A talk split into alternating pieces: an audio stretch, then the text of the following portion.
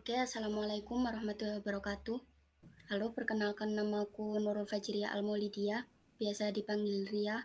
Aku dari program studi Teknik Informatika Angkatan 2020. Jadi podcast ini adalah program kerja dari Departemen PIP atau Pengembangan Ilmu dan Profesi Himpunan Mahasiswa Informatika. Nama prokernya yaitu Aktual atau singkatan dari Inovasi Teknologi Teraktual.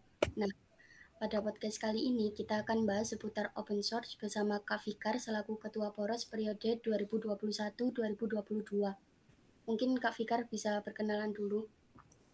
Ya, uh, kenalin nama aku Muhammad Sufikar dari Teknik Informatika angkatan 2018. Uh, eh, tahun ini diamanahin jadi Ketua Poros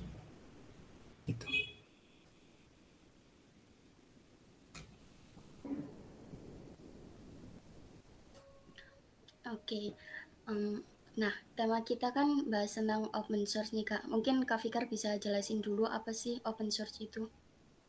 Oke, jadi uh, pengertian open source ya ini. Jadi uh, kalau dari aku sendiri, open source itu sebuah kultur ya. Jadi di sini mungkin kalian bingung gitu.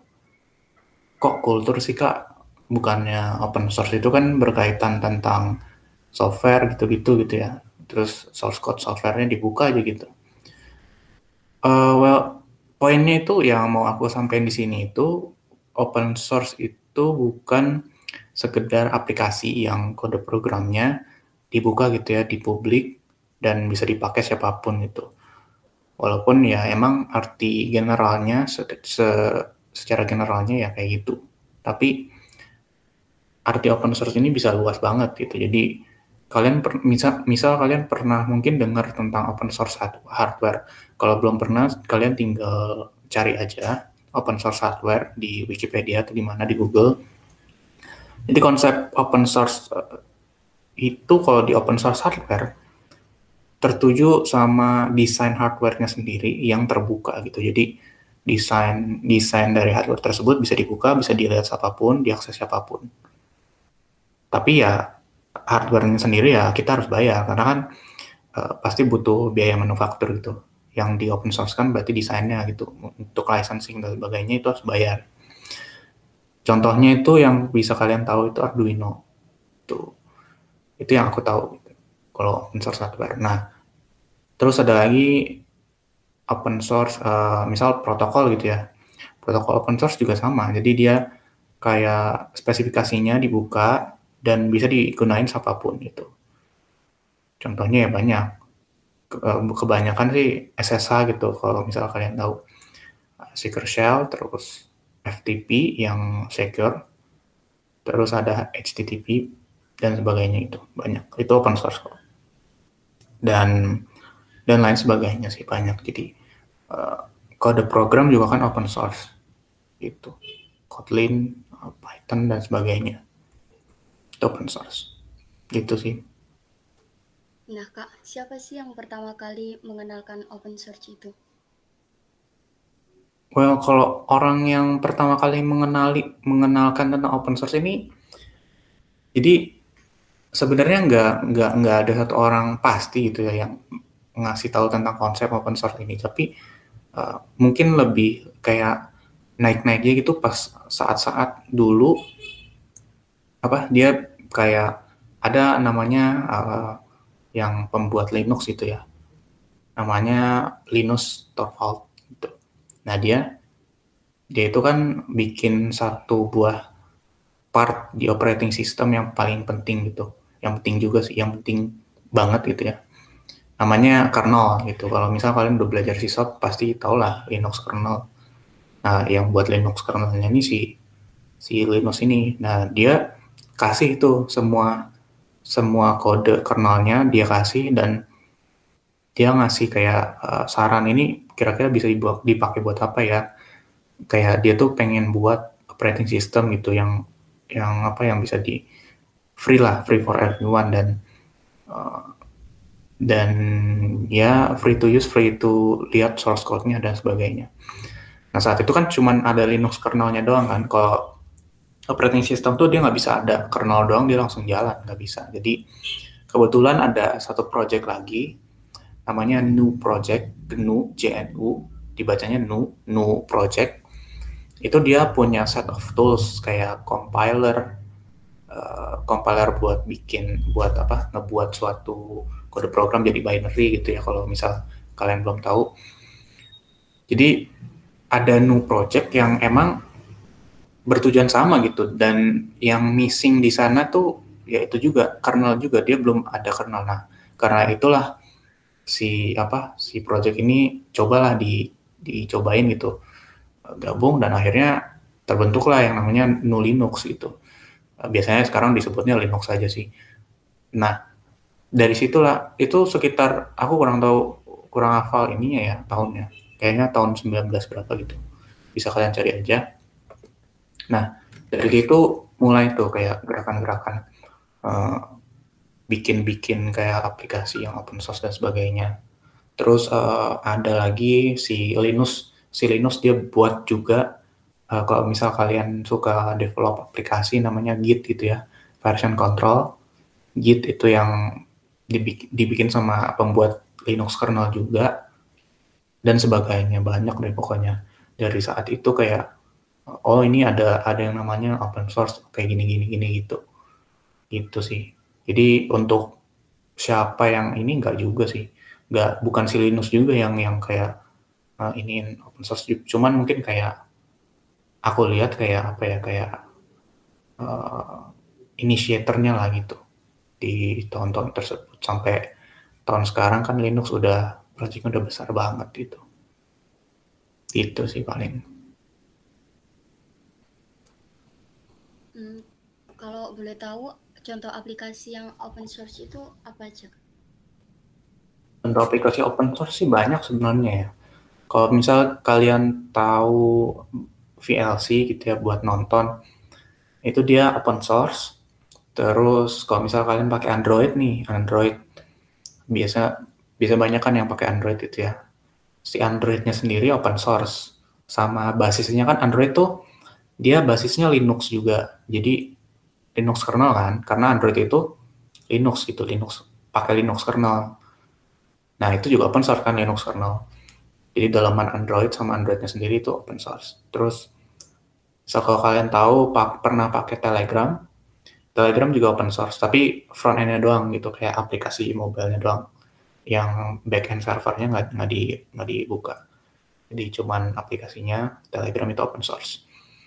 Terus sisanya ya biasa lah. Kalian kan suka, misal kalian suka ngoding, compilernya C, C++, kalau dari Techcom, terus misal yang lainnya SI, TIFF gitu kan pakai Java atau Kotlin atau Python mungkin yang data science itu semuanya compiler sama interpreternya itu kan open source semua gitu. Jadi uh, banyak secara nggak langsung kita tuh pakai open source gitu. Pas ngoding itu kita pakai open source pasti. Terus kalau kalian suka bikin aplikasi atau hackathon gitu ya, itu kan uh, atau ngoding project lah VS Code biasanya kan ada IDE VS Code terus banyak lah itu VS Code itu kan open source juga itu.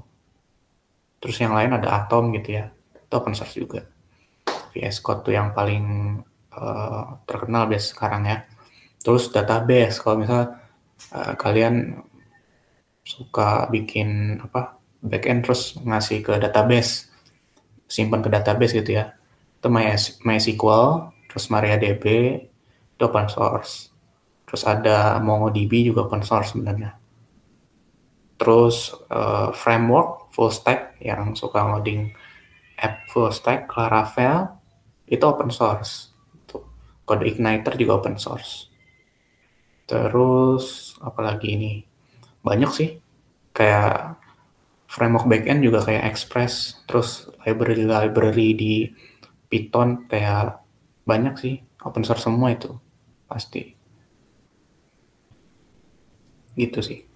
Jadi di sini uh, kan tadi nanyanya aplikasi open source. Sebenarnya open source itu nggak cuma aplikasi gitu. Jadi uh, library juga ada yang open source karena kan kodenya terbuka semua gitu. Ya, aplikasi ya tadi yang aku bilang VLC, Android. Android kan ya bisa bilang aplikasi juga secara besar gitu, platform gitu ya. Dan sebagainya. Gitu sih. Um, kalau kelebihan dan manfaatnya kita pakai software yang open source itu apa kak? Hmm. Kalau kelebihan sih yang jelas pertama gratis ya. Siapa sih yang nggak suka gratis itu? Gratis dan free. Free itu kalau di termnya open source terkenal kayak free for uh, freedom gitu ya, bukan free-nya gratis. Jadi kalau gratis kan kita ya udah gratis aja nggak bayar. Cuman kalau di open source ini free-nya itu termnya freedom. Artinya selain kita nggak bayar, kita juga bukan nggak bayar sih maksudnya nggak mengeluarkan duit untuk itu, kita juga bebas itu punya kebebasan dalam modifikasi misal aplikasinya ah kurang uh, ini gitu ya kita bisa modif aplikasinya dan apa dan ubah sesuai punya kita lah contoh contoh paling kelihatannya ya ini apa kayak distro-distro kayak Ubuntu, Debian. Kalau misal kalian lihat Debian apa Ubuntu itu sebenarnya kan awalnya tuh dari Debian gitu. Jadi si Ubuntu ini uh, mungkin timnya itu nggak nggak apa pengen buat distro baru kayak uh, apa OS baru gitu ya. Tapi dari Debian ngambilnya. Nah dia di fork uh, fork itu ya kayak kalian di GitHub lah ngefork project. Nah itu dia bikin uh, ngefork dari Debian terus bikin di rebranding sama dia sendiri gitu. Jadi Ubuntu dan emang kan sukses gitu kan. Ada banyak juga yang lain kayak gitu. Jadi tadi kelebihannya uh, freedom gitu ya kebebasan. Bukan cuma gratis doang. Kalau gratis kan ada tuh banyak software gratis tapi uh, sebenarnya source code-nya nggak dibuka. Nah itu kita juga nggak tahu gratis karena apa. Apa dia ngambil data kita atau gimana gitu kan. Jadi uh, open source selain gratis dia juga kita bisa punya freedom gitu ke aplikasinya Terus masalah yang lain tentang uh, kelebihan gitu ya, kelebihan dari open source banyak sebenarnya. Ada kayak apa ya? Kelebihan open source tuh bisa kalian cari sih sebenarnya di apa di Google gitu banyak sebenarnya. Salah satunya ya otomatis kalau misal kita kayak bikin project gitu ya. Tadi karena misal kita pakai open source kan lebih hemat biaya apalagi kalau project-project kecil gitu kan bayangin kalau misal kita mau pakai mau ngoding pakai Java nih, oh ternyata kompilernya bayar nih, kalian harus bayar berapa gitu ya ke yang buat Javanya. Nah itu kan nggak nggak lucu juga kan, project akhir tapi bayar gitu. Nah terus uh, kalau misal ketemu bug gitu di aplikasi open source, itu bisa dilihat sama semua orang dan bisa cepet gitu, karena orang-orang tahu gitu masalahnya di mana di bagian mananya source code-nya tahu tinggal ya udah fokus ke situ terus uh, minta uh, misal yang ada security engineer gitu minta tolong diinin. Terus gimana cara ininya ya apa prevensinya atau dibenerin kayak gimana itu bisa jadi lebih cepat uh, kalau misal ada bug. Terus yang jelas yang yang yang biasanya ada masalah di Indonesia ini kan banyak yang ngebajak. Nah open source tuh kan nggak ada bajak nggak ada yang ngebajak nggak ada bajakannya kan karena emang udah da dari awal gratis. Kalau misal kita pakai software bajakan nih di di misal pakai software yang uh, ngedit grafis lah banyak kan uh, yang berbayar gitu. Tapi kan kebanyakan di Indonesia nih kayak oh ini uh, apa install yang bajakan aja install Patani atau gimana versi Pataninya. Ya sebenarnya kalau dilihat dari sisi keamanan itu kan itu gratis kan. Uh, otomatis kalau kita patani jadi patani kita gratis kan. Tadinya harus bayar tapi jadi gratis. Nah kita nggak tahu uh, apa apa yang di dalam aplikasi yang udah dimodif gitu kan. Kan biasanya kalau aplikasi bajakan kan dimodif dulu kayak, harus matiin uh, apa matiin antivirus dan sebagainya. Nah itu juga sebenarnya tahu dari mana uh, apa aplikasinya nggak bakal ada virus gitu false alarm tahu dari mana kan. Kita nggak tahu dalamannya udah di, udah diubah jadi apa gitu kan. Jadi itu menghindari kayak kayak apa ya privacy breach gitu ya. Kayak kita pakai aplikasi bajakan terus tadinya bayar jadi gratis eh totalnya privasi kita di ini diambil semua sama si yang ngebajak gitu kan. Gak, gak lucu kan gak kayak itu terus banyak banyak banget sih kelebihannya itu salah satunya yang tadi apa freedom sama menghindari kita dari hal-hal yang uh, apa yang nggak mau kita kasih gitu. Privacy kita gitu. Terus ya sama yang tadi error sih. Kalau ada bug atau uh, security security yang apa kayak bug atau apa sih namanya itu? Ya itulah bug. Itu bisa cepat di dibenerin ya gitu dan cepat ketahuan juga itu sih paling nah kalau um, kelemahan atau kekurangan dari open source sendiri itu apa kak? Oke, kalau dari kelemahan sendiri aku kasih di dua sisi ya. Kalau misal pertama dari sisi kita sebagai end user gitu ya kita kayak kan kita pakai aplikasi nih. Nah, kalau misal kalian lihat sih sebenarnya aplikasi-aplikasi open source itu dia masih masih ya jauh kalah lah sama sama yang aplikasi proprietary. Kalau proprietary itu kan kayak aplikasi bayar gitu ya. Uh, kayak buat desain atau gimana itu kan kalau aplikasi yang proprietary dia lebih udah lebih bagus UI UX-nya ya. Nah, open source ini dia UI UX-nya bisa dibilang kayak masih kurang lah gitu, masih jauh dari uh, kemudahan uh, pengguna gitu ya. Si pengguna ini kayaknya masih susah gitu make open source kalau misal make aplikasi open source yang set, yang apa yang alternatifnya gitu ya. Misal kayak uh, satu lagi contohnya kayak word processor. Ada Microsoft Word terus sama LibreOffice gitu kan. Itu kan uh, lumayan beda kan interface-nya dan nggak yang LibreOffice juga nggak sebagus dari interface yang di Microsoft Word itu emang emang udah fakta gitu nggak bisa kita hindari. Nah itu dari sisi user gitu.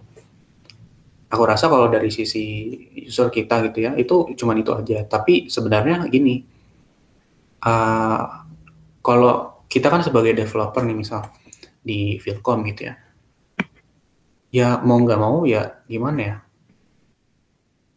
sebenarnya emang emang UI UX-nya kadang ada yang ada yang susah tapi ada juga yang yang udah yang udah oke okay lah kayak misal IDE tadi IDE kayak VS Code itu kan udah udah udah supportnya banyak gitu karena banyak yang support karena banyak yang uh, banyak uh, mungkin ada UI UX yang ikut kontribusi di sana cara uh, apa ngebuat apa ngebuat layouting buat aplikasinya kayak gimana kayak gimana gitu dan uh, uh, dan itu bukan jadi sebuah sebuah apa sebuah kekurangan lagi justru malah jadi kelebihan udah gratis terus bagus lagi kan.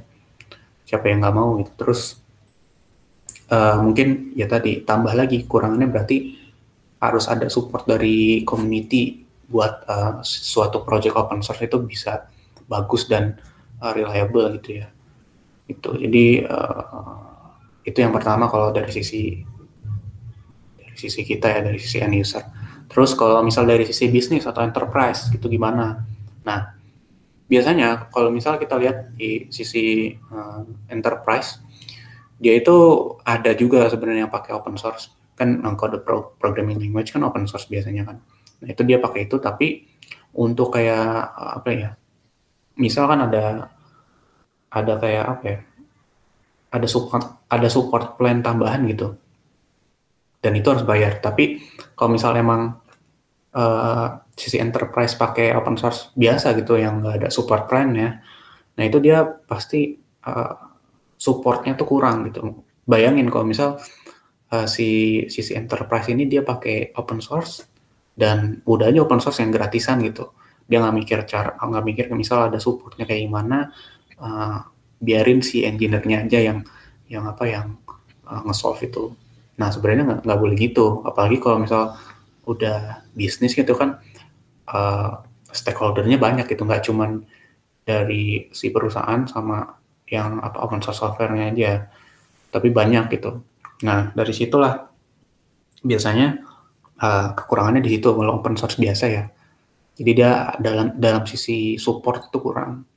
Jadi biasanya untuk apa solving kayak gini masalah kayak gini dia ada ada kayak khusus support plan gitu buat buat apa buat level enterprise. Jadi uh, jadi ya kalau misal enterprise mau pakai open source itu dia bisa bisa apa bisa kayak nge-hire dari dari si maintainernya gitu ya. Maintainernya misal udah gede gitu udah jadi udah jadi apa suatu perusahaan gede kayak Red Hat gitu ya. Itu dia ada support plan buat uh, ikut nge-troubleshoot kalau misal ada problem di di uh, di di kalau misal si perusahaan punya masalah di ininya di apa pas dia pakai produk Red Hat gitu ya gitu sih kalau dari sisi enterprise dan end user paling itu aja Nah, Kak, tadi kan kita udah bahas sedikit tentang Linux. Nah, hmm. dan Linux itu distro-nya banyak ya. Hmm. Sekarang um, Linux yang populer itu apa, Kak? Linux yang lagi populer banyak. Uh, aku di sini lagi pakai Manjaro sih. Jadi uh, Manjaro kalau misal kalian tahu itu lumayan friendly juga kayak alternatifnya Ubuntu itu. Biasanya kan kalau Linux tuh kalian pasti pertama tahunya Ubuntu gitu ya. Atau Debian juga ada mungkin beberapa.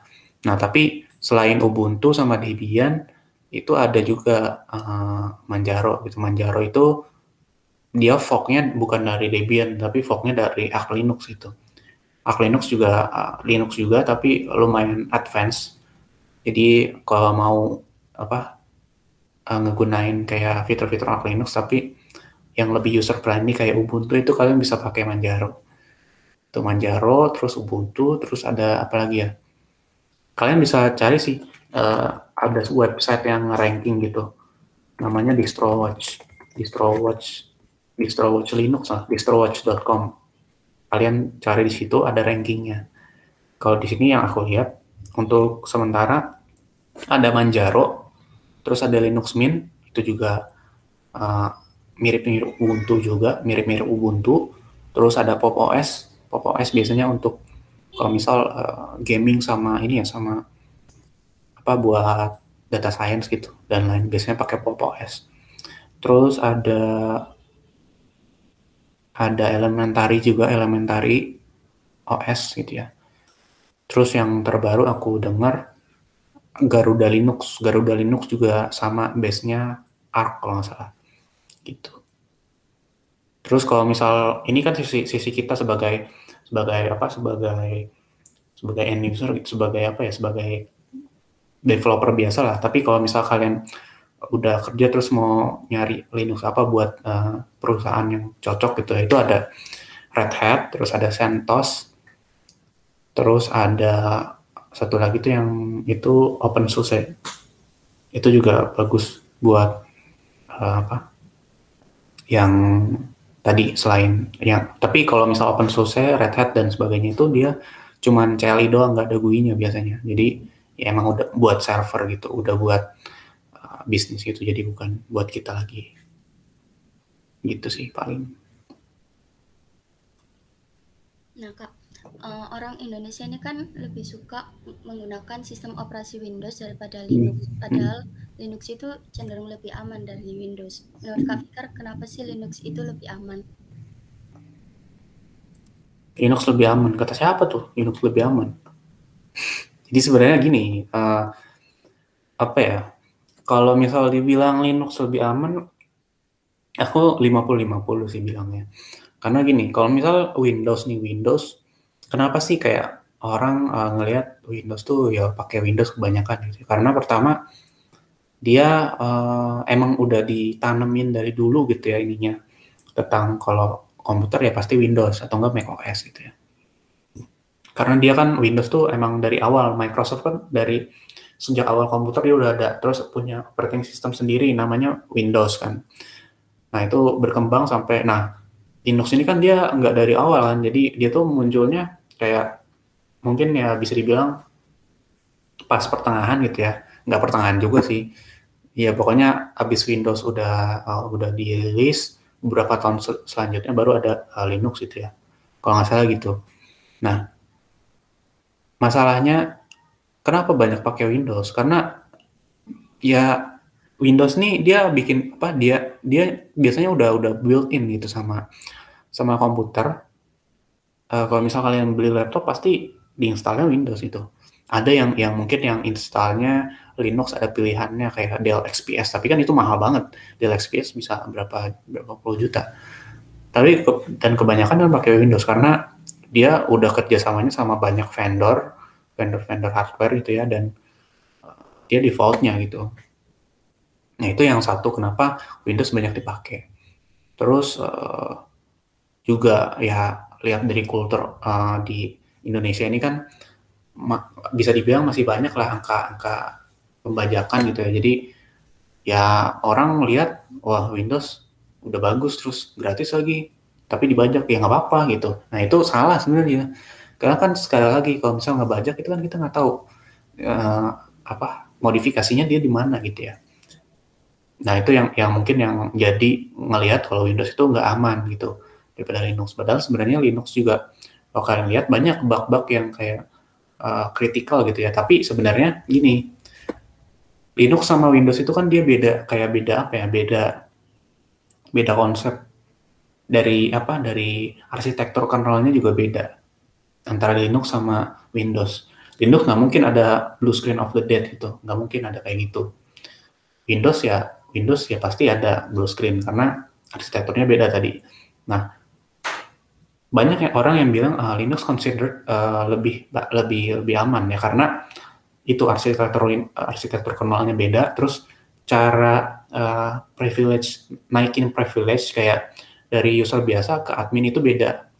Uh, inti walaupun secara secara garis besar sama, tapi sebenarnya beda gitu. Jadi kalau misal di Linux kalian nggak bisa sembarangan kayak ada di Windows prompt uh, kalau misal oh ini mau kalian mau ini ya mau mau mau ngejalanin mau install apa-apa as admin.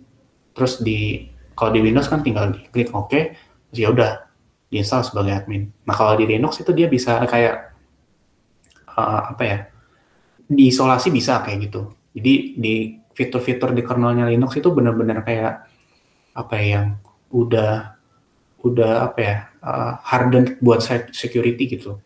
Kayak ada apa kalau misal kalian tahu Docker deh. Docker itu sebenarnya pakai fitur-fitur uh, security di kernelnya Linux yang yang yang nggak ada gitu di Windows. Jadi makanya kalau kalian misal install Docker di Windows ujung-ujungnya kalian harus bikin VM Linux yang kecil. Karena cuman apa fitur-fitur yang di Docker itu cuman ada di cuman ada di apa ya cuman ada di kernel Linux untuk sementara ini ya setauku gitu.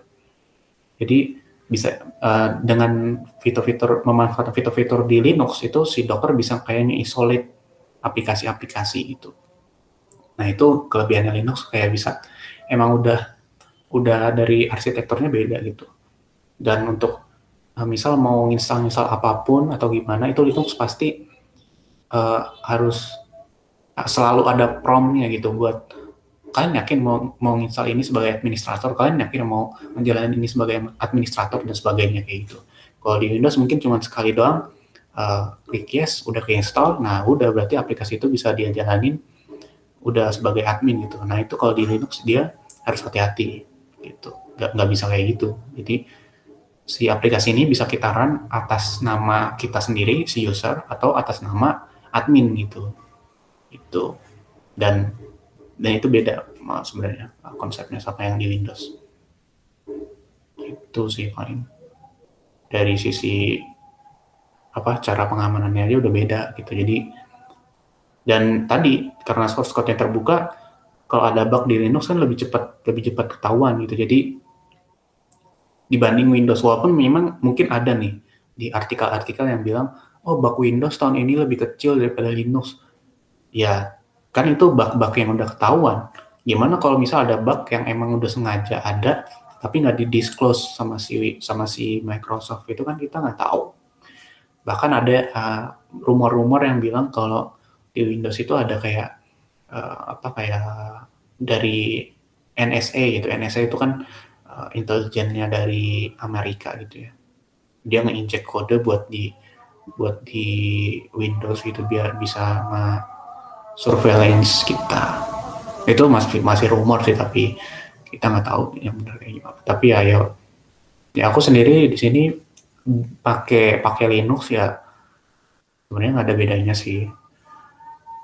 Terus tadi uh, yang malware itu kenapa lebih lebih dikit? Karena karena Windows yang banyak dipakai ya orang-orang si security ya bukan security maksudnya hacker-hacker itu pasti ya nargetinnya bikinnya bikin malware buat Windows dong. Ngapain bikin buat Linux? Orang biasanya yang pakai Linux juga udah udah jago-jago semua nggak nggak mempan nanti yang ada gitu kan. Nggak nggak nggak nggak yang ada nggak yang ada buntung bukan untung gitu kan.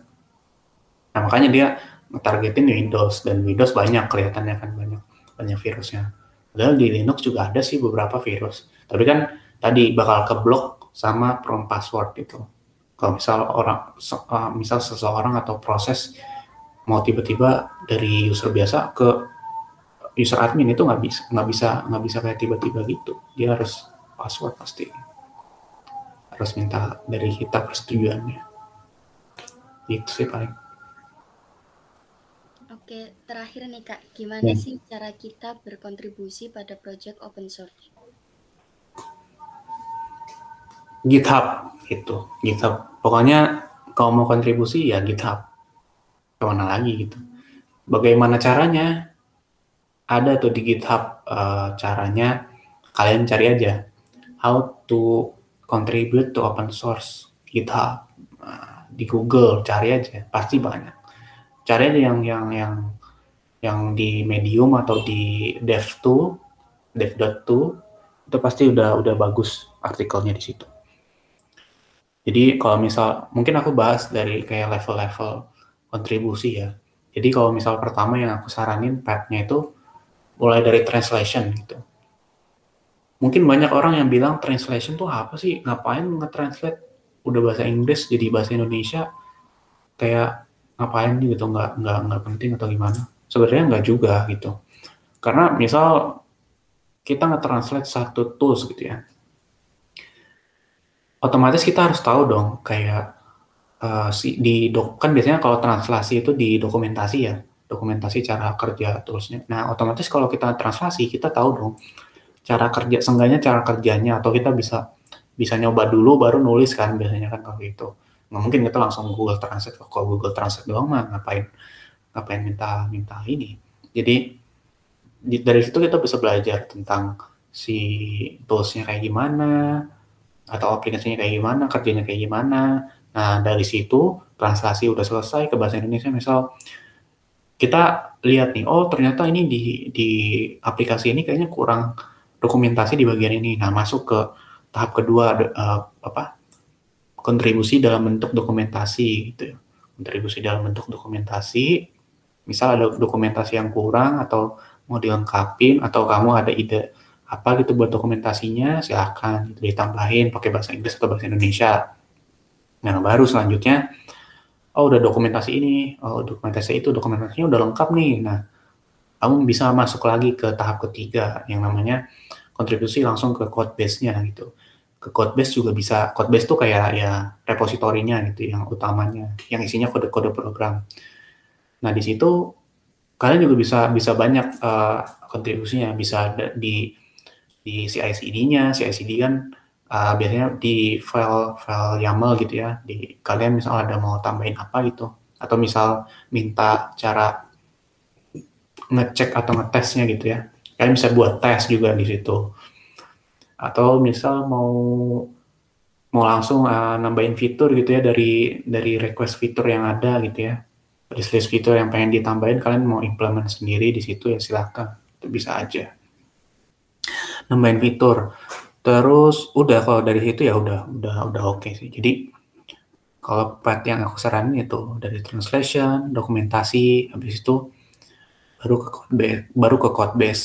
Atau misal mau langsung ke code base-nya gitu boleh aja. Atau misal pengen ya udah lebih nyaman di dokumentasi aja semua gitu ya udah dokumentasi aja gitu. Jadi nggak harus jadi orang jago sih untuk kontribusi ke open source. Bisa lewat translation dan sebagainya aku juga uh, apa kontribut ke ketiga tiga tiganya sih. Yang translation aku pernah kontribut dokumentasi pernah terus code base juga pernah gitu. Jadi nggak harus langsung ke code base itu productional nanti jangan deh mending kecuali kalau emang kalian udah tahu toolsnya kayak gimana gitu, gitu sih paling hmm, oke mungkin cukup sekian pembahasan kita mengenai open source Iya. Terima kasih buat Kak Fikar udah yeah. nyempetin waktunya buat datang di podcast kali ini. Okay. Dan terima kasih juga udah membagi ilmunya buat aku dan juga pada episode kali ini. Oke. Okay. Sama-sama.